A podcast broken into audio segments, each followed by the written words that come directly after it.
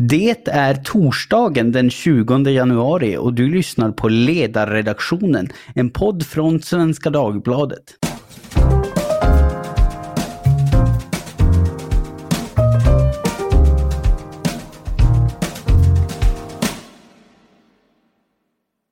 Jag heter Jesper Sandström och idag ska jag tillsammans med er och mina två gäster doppa tårna i ett för mig lite ovant ämne, kyrkans roll i samhället och hur vi bäst hjälper de allra mest utsatta. Mer specifikt handlar det om det som min kollega här på ledarsidan, Maria Ludvigsson, i förra veckan beskrev under rubriken Stockholms domprost portar uteliggare. Och vad handlar då det här om? Jo, i Sankta Clara kyrka i centrala Stockholm så har det i tio års tid bedrivits natthärbärge för hemlösa och andra utsatta människor av den förening inom Evangeliska Fosterlandsstiftelsen, EFS, eh, som hyr kyrkan av Storkyrkoförsamlingen.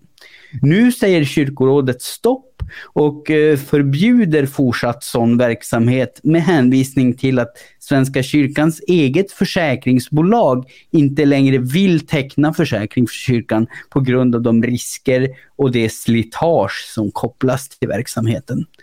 Det här beslutet är orimligt menar vissa och rimligt menar andra, som Ludvigsson skriver i sin text.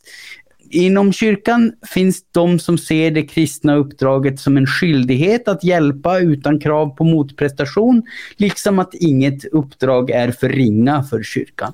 Och där finns de som menar att kyrkan inte ska göra vad man gör i Sankta Clara kyrka eftersom det är statens och kommunernas uppgift.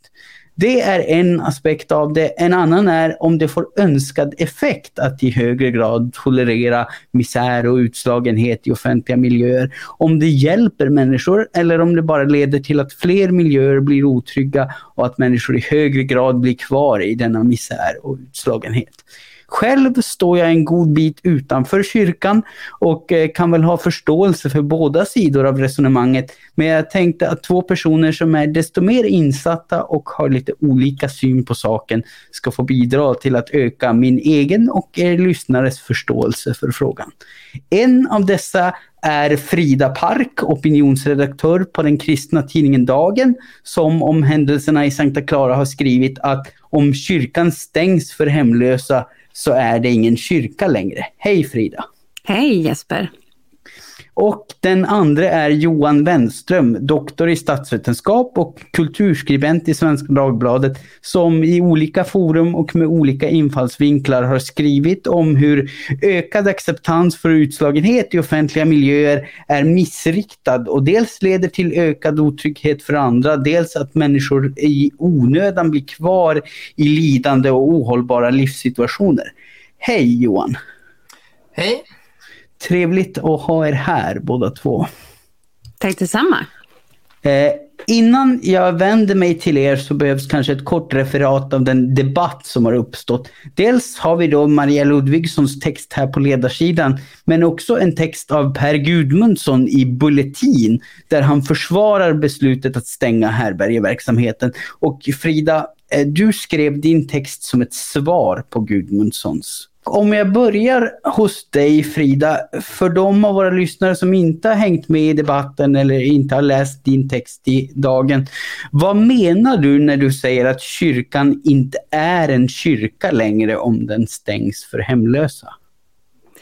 Ja, men det, man kan väl tänka så här att som kristen kyrka så är det ju alldeles ologiskt att inte eh, ta hand om den som behöver hjälp oavsett om det är en tiggare eller om det är en ensamstående mamma som har svårt att få vardagen att gå ihop. Det är på något sätt eh, själva essensen av det kristna budskapet utlevt i praktiken det innebär ju inte för den sakens skull att man är nöjd med status quo och tänker att ja, men det är klart att de ska få fortsätta tigga eller det är klart att den här mamman ska fortsätta att ha det tufft eh, som ensamstående mamma.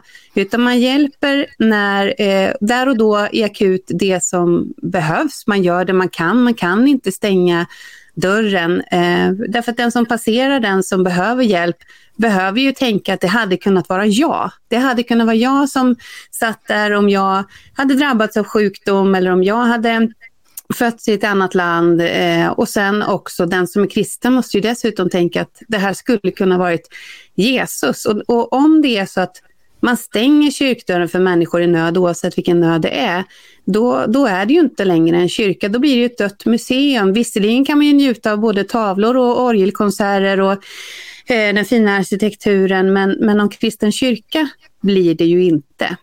Eh, Johan, hur skulle du svara Frida här? Är det oomtvistligt och självklart att en kyrka ska erbjuda den här typen av hjälp till människor i nöd eller riskerar det att slå fel? Ja, alltså eh, välgörenhet i olika former, eh, till exempel ekonomiskt bistånd eh, eller soppkök det är ju helt i sin ordning och ett utmärkt och lovvärt komplement till det offentligas eh, stöd för eh, människor som har det svårt av olika skäl. Däremot tycker jag inte att det är lämpligt att eh, man upplåter ett kyrkorum till, till härberge där man lägger ut sovsäckar i långa rader framför altaret och bjuder in hemlösa, psykiskt sjuka, missbrukare till att övernatta där. Ehm, jag får också intrycket av att man ehm, i den här föreningen Sankta Clara gärna vill erbjuda eh, den här populationen ett, eh, ett rum eller en miljö där man så att säga kan få vara sig själv eh, och kanske till och med få leva ut sina eh, psykiska besvär och, och, vara lite som man, ja, som man vill vara, uppföras lite hur man vill och, och eh, det är problematiskt av flera skäl. Eh, det gagnar ingen, framförallt inte den här gruppen av hemlösa och psykiskt sjuka. Eh, det är en grupp som ofta är i stort behov av ordning och stadga, förväntningar och till och med krav till exempel på att delta i sin egen rehabilitering och att vara drogfri. Um, så att det finns en risk för att den här typen av miljöer understödjer en väldigt destruktiv och ovärdig livsföring skulle jag säga. Du, du menar att de, de, får, de får inte den hjälp de hade behövt få utan, utan de får ett alltför passivt stöd som gör att de blir kvar i en ohållbar situation, eller hur? Ja, jag tycker generellt, eh, jag menar Klara kyrka är ju, är ett exempel, men vi har också sett hur eh, folkbiblioteken alltmer har blivit eh, en plats där hemlösa och psykiskt sjuka kan uppehålla sig utan krav på att de ska bete sig på ett visst sätt. Eh, parker tas också allt mer eh, över av, av den här gruppen utan krav på att eh, man måste uppföra sig på ett visst sätt. Och som jag sa, det är inte till gagn för någon, varken för allmänheten som vill besöka de här platserna eh, eller eh, gruppen psykiskt sjuka, hemlösa, missbrukare som är i behov då av ja, krav, förväntningar, stadga. Frida, jag ser att du har invändningar här. Jag hör Johan att du säger att eh, du får intrycket av att det på något sätt skulle vara en kravlös tillvaro, att eh, man får till och med ska leva ut sin psykiska sjukdom eller, eller vad det nu är för någonting man kommer med till kyrkan. Det är ju en grovt felaktig bild. Och det är bra att vi kan reda ut det här då.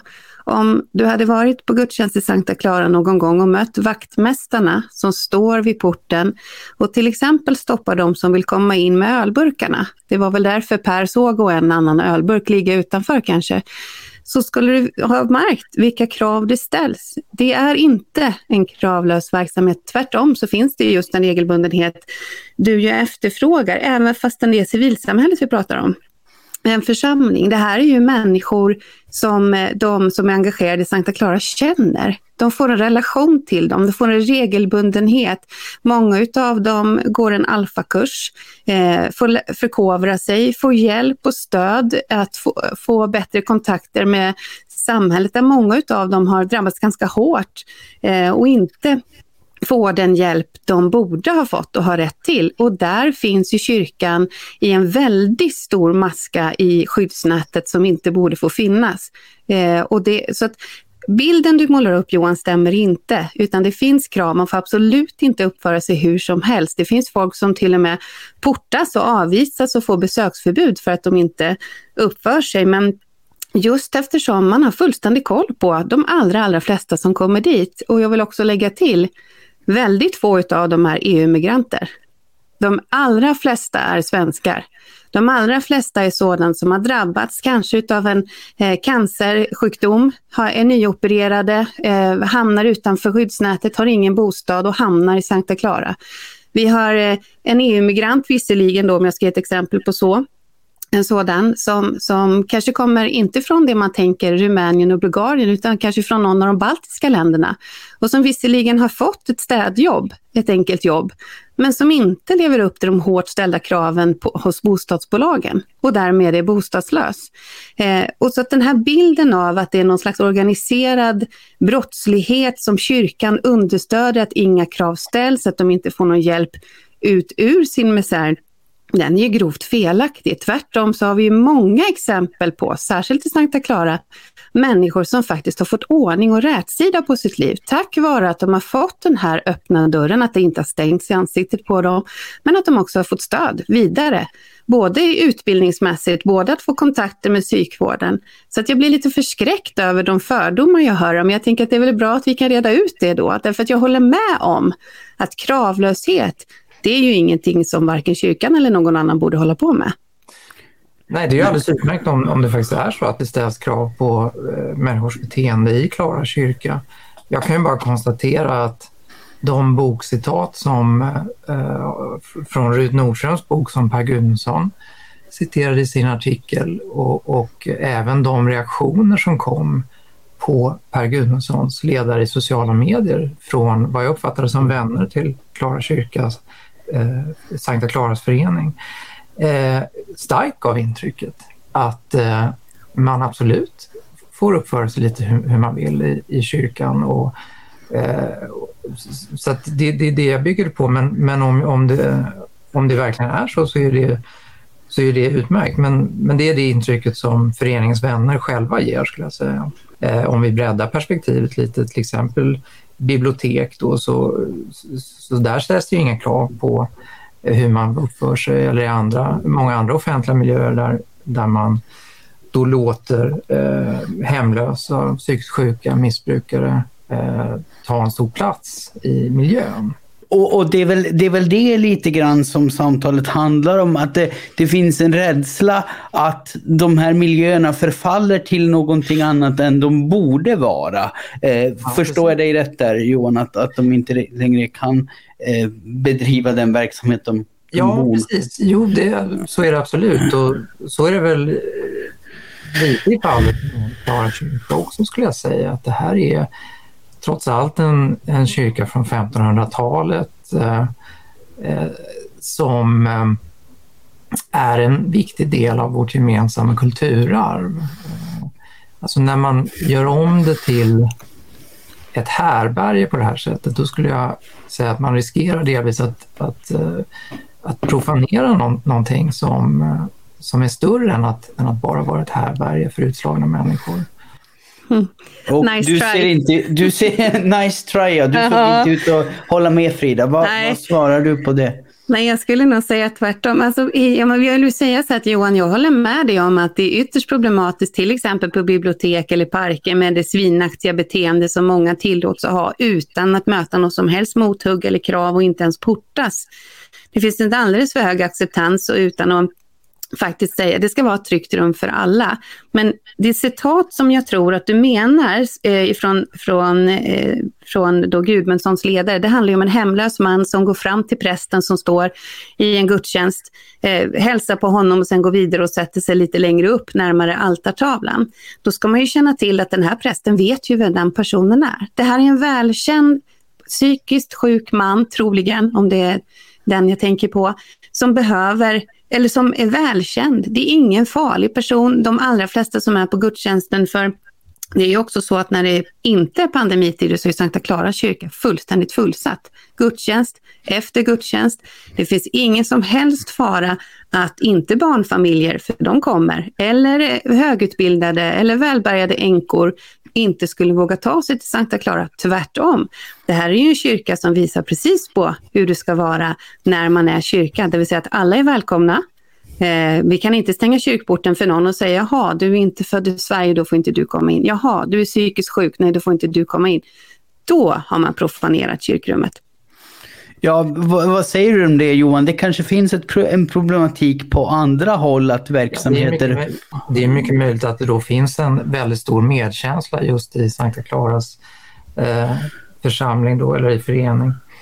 Eh, men generellt så tycker jag att det är alldeles uppenbart att människor känner sig eh, hotade kan man säga. Alltså, och eh, att man känner en stor olust inför att söka allt fler offentliga miljöer därför att de förvandlas mer och mer till härbergen snarare än bibliotek eller parker. Men, men, menar du Frida att det, det, finns inte alls några tecken på att besökare till Klara kyrka har, har upplevt den typen av ska man säga, omvandling av, av kyrkan till något annat än vad den var? Jag tror att kommer man första gången och inte är van vid det, då tror jag att man kan haja till att oj, här, det här var inte jag van vid. Man kanske kommer från ett väldigt skyddat rum och inte har stött på människor som, som inte eh, passar in i medelklassnormen så att säga. Visst kan det vara så, men därifrån till att man skulle känna sig otrygg eller hotad eller att det skulle vara på något sätt, nej hit vill jag inte komma igen. Det är ju ingenting som känns igen, tvärtom så är det här någonting som verkligen lockar människor att här får du komma, du får komma som du är. Men du får också stöd vidare i livet. Och det är ju precis vad en kyrka ska vara. Det här som Frida säger nu om, om eh, medelklassnormen och sådär, det, det tycker jag speglar en idé som omfattar både den här kyrkans verksamhet och också många bibliotek till exempel, att det är viktigt att eh, eh vi som har andra erfarenheter i livet liksom stöts och blöts med samhällets olycksbarn, att vi skakas om eh, av de erfarenheterna. Och det, det, tycker jag är liksom ett ganska instrumentellt sätt att se på den här gruppen människor som är i stort behov av, av vård framför allt, och stadga och eh, ordning och reda i livet. Att de är så att säga inte till för att ge oss andra viktiga perspektiv på vår egen existens. Tyvärr tycker jag att det där synsättet ofta ligger nära till hands när man diskuterar de här frågorna i Sverige.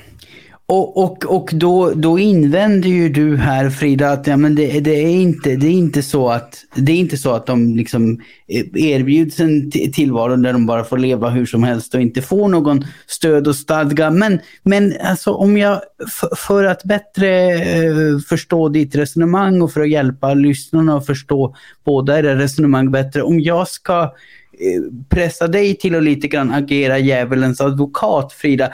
Finns det en risk att kritikerna har någon poäng i, i det att om målet verkligen är omsorg om och hjälp till svaga och utsatta, kunde det vara bättre att kyrkan upphörde med den här eh, verksamheten och istället fokuserade på annat och att de människor som idag härbärgeras i kyrkan istället får en helt annan typ av hjälp. Att, att kyrkan är liksom strängare och ställer mer krav på att man ska leva på ett visst sätt för att kunna ta sig in där och att folk som är psykiskt sjuka och hemlösa måste vända sig någon annanstans. Skulle det finna, kunna finnas någonting som bättre gagnar dem i, i det?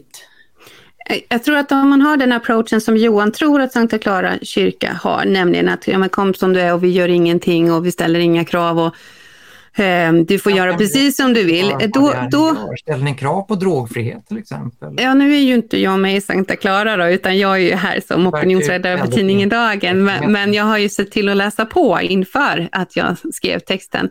Men, eh, men tillbaka till det här med att vara djävulens advokat. Att om det är så att kyrkorna inte förstår att man kan inte bara hjälpa här och nu. Du kan inte bara öppna dörren, ge lite mat och tro att då har du uppfyllt din kristna plikt då tror jag att man hamnar snett. Utan man måste också förstå som kyrka att det finns strukturella problem. Att du måste också vara en blåslampa på myndigheter, mot makthavare. Och det är därför många kyrkor, inklusive Sankta Clara, också har det engagemanget. Flera svenska kyrkor som har den här verksamheten och i Sankta Clara handlar det alltså om två nätter i veckan. Det låter som att ni tror att de är där jämt dygnet runt. Men i alla fall så är det ju så att Många svenska kyrkor eh, engagerar sig också i hemländerna, alltså vi pratar Bulgarien, Rumänien, skickar dit människor, hjälper människor på plats, jobbar aktivt på EU-nivå för att ändra på strukturer som, gör, eh, som ger de här skadliga mönstren av att folk fastnar i en slags trafficking-fälla och så vidare. Den naiviteten den tycker jag att där får kyrkorna lova sig upp. Men den finns inte i Santa Clara. Det är min erfarenhet när jag har läst på och satt mig in i situationen. Ida, när du har då satt, satt in i situationen, det vore intressant att veta om Ställer, ställer då Santa Clara-förening krav på drogfrihet till exempel för att omfattas av den här, det här härberget?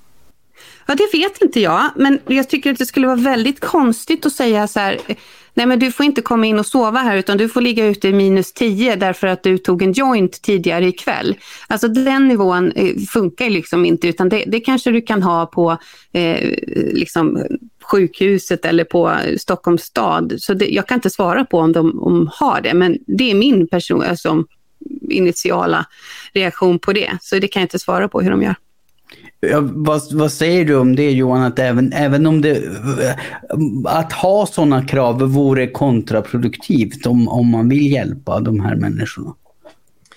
Ja, alltså generellt, eh, generellt sett så, så visar forskningen inte minst att det är viktigt att ställa krav på människor som är missbrukare. Ehm, I kyrkmiljö? Jag tycker att du blandar ihop bibliotek och liksom...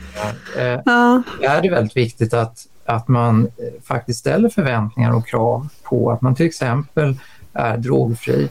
Eh, vi har ju allt mer eh, i Sverige men också i USA, därifrån det här konceptet kommer ifrån, så har vi i kommunerna börjat gå allt mer mot vad som kallas för bostad först. Mm. snarare än den gamla då boendetrappan. Man fick kvalificera sig då från härberge till eget kommunalt boende och så vidare. Och eh, det har visat sig enligt forskning på det här konceptet att det är destruktivt, att det leder till att människor fördjupar sitt eh, missbruk bland annat och att man isolerar sig i sin misär snarare än att man får hjälp. Och det här liksom frånvaron av krav och förväntningar, det är ingenting som är till hjälp för den här gruppen. Eh, tvärtom. Men, men får jag bara fråga, varför tror du att bostad först skulle vara kravlöst? Alltså du får ju en bostad men sen ställs det ju krav efter det. Ja, fast det bygger, hela idén bygger på, det är, man kan nästan säga att det är ett ideologiskt koncept importerat från, från USA. Att, som bygger på tanken att om man bara får en bostad så kommer allting att lösa sig snarare än att man, man måste kvalificera sig till en egen bostad. Mm. Och det kan man, man kan ju invändningar mot det, men de, de, forskningsresultat jag känner till kring bostad först, bland annat så gjorde man ju det på försök i Helsingborg 2011 och 2013 blev det permanent att åtta av tio klarar långsiktigt av att bo kvar i sin lägenhet och minskar missbruket och mår bättre. Och det är väl ändå siffror som är rätt så talande, tänker jag.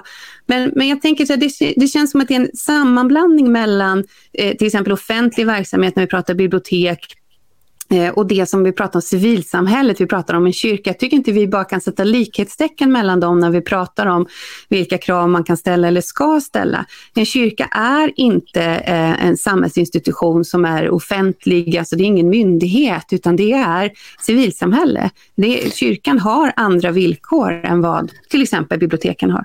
Men, men jag, jag uppfattar det som så här att oaktat om, om det är civilsamhälle eller offentlighet som är eh, som den drivande aktören så förstår jag din poäng Johan som att eh, kravlöshet är aldrig någonting bra. Alltså den, den kravlösa tillgången till ett boende kan i sig vara någonting dåligt därför att den möjliggör att man blir kvar i en destruktiv livsstil. Är det, är det så du Ja, precis. Det, precis. Det finns väldigt mycket evidens som tyder på det, inte minst från de omfattande program med, med eh, Bostad först som har genomförs i, i USA, eh, på den amerikanska västkusten framförallt. Um, naturligtvis, jag menar, allt det jag säger, det, det säger jag ju också naturligtvis i, i en ambition att eh, peka på vad som faktiskt är mest till hjälp för utsatta människor. Hur man kan mm. bryta destruktiva levnadsmönster. Och då, då är det alldeles tydligt så att, att det som du kallar för kravlöshet Jesper, att det, det är helt enkelt inte till hjälp. Men, men om det då är så, för det verkar ju ändå vara så, om, om, om Fridas beskrivning här är korrekt så får man ju tro att det, det är ju ingen, det är ingen total kravlöshet det rör sig om i Sankta Clara. Men me, menar du att det ändå finns tydliga indikationer på att kravlösheten, eh, eller att de krav som finns inte är tillräckliga för att faktiskt hjälpa människor? Ja, jag vet ju inte exakt vad det är för krav då som, som de har. Det vore intressant att höra mer om, om, om, om vad det är för krav som ställs på, på beteende. Men, men, men du, du lyfte exempelvis drogfrihet. Ja. Menar du att om det kravet inte finns så är det ett krav som skulle behöva finnas? Alltså, för att få sova över i kyrkan och få en bit macka? Ja, jag... jag tycker att det är svårt att eh, liksom, jag tycker inte vi ska fastna för mycket i, i exemplet med Sankta Claras förening. Men ja, jag tycker inte att det, att det, det är inte helt orimligt i alla fall att eh, överväga den typen av saker om det inte redan finns idag. För... Men får jag, bara, får bara säga det Johan, att jag är egentligen helt enig med dig. Att kravlöshet är någonting destruktivt. Jag tror inte på det, varken som, jag är ju legitimerad lärare i botten. Jag tror att det är ett uttryck för en rejäl omtanke, reell omtanke, alltså verklig kärlek. Att mm. faktiskt våga ställa krav, att ha förväntningar på människor, att tro att människor kan lyfta sig ur misär genom både att få stöd men också krav och möjligheter.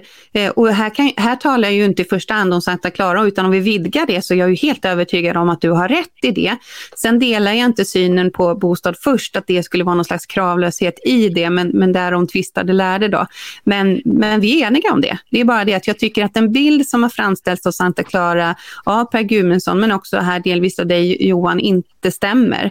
Och därför så tänker jag att, vi också, att det kan vara bra med en motbild. Att, eh, civilsamhället i stort, men också kyrkor i, särskilt, eh, gör en fantastisk insats. Något som de alldeles för sällan får cred för, utan skit. Och det tycker jag är faktiskt rätt så trist.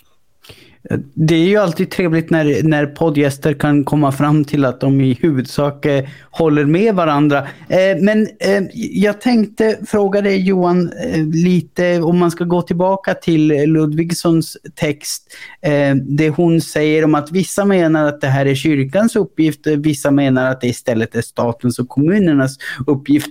Eh, Tror du att om civilsamhället gör det på rätt sätt, om civilsamhället ställer tillräckliga krav och så vidare. Är det då en, en verksamhet som det är lämpligt för civilsamhället att bedriva eh, eller, eller tillhör du de som tycker att det ska, ska vara ett ansvar primärt för eh, stat och kommun? Ja, jag tror inte att civilsamhälle och privata aktörer eh, riktigt har de resurser som krävs för att verkligen ge eh, människor den vård som, som behövs. Jag har ju i en artikel i Svenska Dagbladet nyligen föreslagit att vi borde bygga ut den offentliga psykiatriska eh, tvångsvården och bygga nya slutenvårdsinstitutioner där människor som har eh, liksom, eh, en, en, en, alltså en, en så nedsatt mental och social funktionsduglighet att man inte klarar av att leva ett självständigt liv helt enkelt. Där de kan få, få leva och få en säng och omsorg. Så att de slipper driva runt vind för våg på Stockholms gator, in och ut ur kyrkor och andra platser där de kan få tillfälligt uppehåll. Och det, det ser jag framför mig en uppgift för det offentliga snarare än det privata. Och Frida, hur, hur ser du på det? Alltså, eh, tror du att det finns någon risk att, att vad ska man säga, den, den härbärgeverksamhet som kyrkorna erbjuder, att den, att den blir en ventil ut i att, att stanna kvar i att vara beroende av den hjälpen. Eh, när, när samhället istället borde vara konstruerat så att personer med psykiska problem hamnade på inrättningar där de fick vård för sina problem. Ser du någon sån risk? Alltså inte, inte utifrån att kyrkorna på något sätt permanentar folk i en utsatthet. Däremot så finns det en risk att staten att samhället i övrigt blir lite för bekväma med att ja, ja, vi behöver ju inte bygga ut psykvården, vi behöver ju inte se till att vi når de här människorna, för det gör ju kyrkan. Och de, mm. De sponsras ju utav gåvor, vad skönt, då slipper vi ta skattemedel till det. Eh, mm. det. Det tror jag är ett större problem än det du nämner. Men sen finns ju, vi kan mm. inte bara tänka att staten ska göra allting, utan civilsamhället kommer alltid behövas på ett eller annat sätt. Inte minst för att den anonymitet som Maria Ludvigsson också skriver om, som finns i civilsamhällets hjälp, är en förutsättning för att många alls ska våga be om och ta emot hjälp. Eh, man, man, behöver ju inte villkora den hjälpen eh, som kommunen eh, ju kan göra, utan man, man kan ge ge hjälp till de som behöver på det sättet. Men det är väl helt klart att kommunen ska, ska villkora på det sättet. Jag håller helt med dig Frida där om att det finns en tendens att, att det offentliga lämpar över det här ansvaret på kyrkorna. Att man tycker att, eh, att ja, de, de gör så mycket så att, så att då behöver vi inte bygga ut våra, våra egna insatser. Det, det håller jag helt med om, det, det tror jag är ett problem. Sen, sen vill jag också bara betona att jag är övertygad om att Sankta Claras förening säkert gör väldigt mycket gott eh, för människor. Men, eh, men det är också viktigt, tror jag, att samtidigt tänka kritiskt kring vad olika insatser kan ge för resultat. Mm. Ja, ja, det tror jag. Man, man, ska, väl, man ska väl alltid eh, reflektera kring vad, vad effekterna både på kort och lång sikt av en viss insats blir. Men, men om jag ställer den frågan till dig Johan.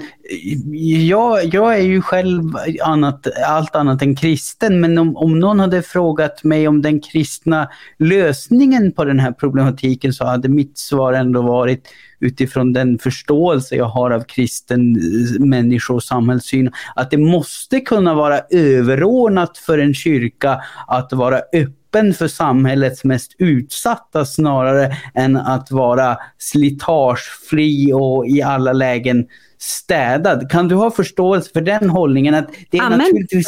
Preach it! det är inte varje dag jag får höra det. Men, men alltså Johan, kan du ha förståelse för den hållningen att det är naturligtvis ingen idealisk situation att någon människa behöver söka sig till ett natthärbärge. Men i det samhälle där sådana behov finns, är det inte rimligt att kyrkan då möter dem? Ja, jag kan förstå att man inom en viss typ av kristendom uppfattar det på det sättet. Absolut. Um, samtidigt så är ju kyrkan, som jag sa inledningsvis, också någonting gemensamt, ett gemensamt kulturarv så att säga. Och um, jag tycker att det, det är inte bara en enskild förening eller församling som, eh, som eh, har tillåtelse, tycker jag, att definiera vad en kyrka och dess uppgift är. Ja, Frida, avslutningsvis, du, du får ge ett kort svar på det. Det är, ett, det är ett delat kulturarv, det är inte upp till en enskild kyrka att definiera vad som får försiggå Nej, kulturarvet är visserligen viktigt, jag håller med om det. Men om vi bara ska värna kulturarvet, då är det bara museum vi har till slut. Och jag kan säga att många av våra stora fina kyrkor som står och förfaller idag gör det därför att verksamheten har dött ut. Därför att det inte finns människor som på det här sättet engagerar sig för kristen tro, kristen, kristen eh, människosyn och, och hjälper människor som är utsatta. Medan Sankta Clara faktiskt lever eh, och och har många människor som upplever de skatter som finns inne i den kyrkan eh, därför att den är levande, därför att man bryr sig om människor och lever ut det kristna budskapet.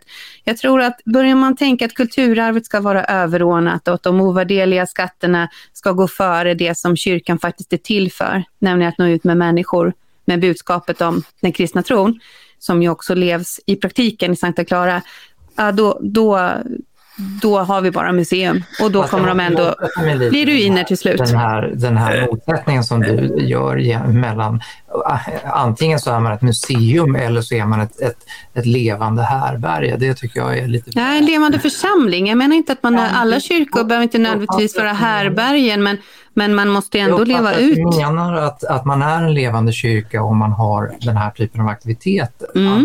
Man ett museum. Mm. Och det tycker jag är en lite väl hårdragen eh, motsättning, måste jag säga.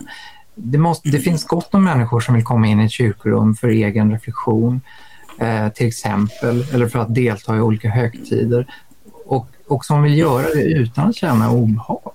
Och, Absolut. Och det, tack och lov så finns det väldigt många sådana fina kyrkor i Stockholms innerstad att besöka på bara en liten gångavstånd från Sankta Clara. Så du menar att det, det, behöver inte vara ett problem om miljön i Sankta Clara är lite mer oordnad? För att om det primärt är en ordnad miljö du är ute efter, då, då finns det andra kyrkor att gå till? Det finns ja. jättemånga. Jag tror på mångfalden. Men jag tror också att eh, absolut, ge, skänk pengar till Sankta Clara till att bevara skatterna som finns där. Hjälp dem att stötta de, eh, de eh, hemlösa och de utsatta. Gör det. Det kan behövas.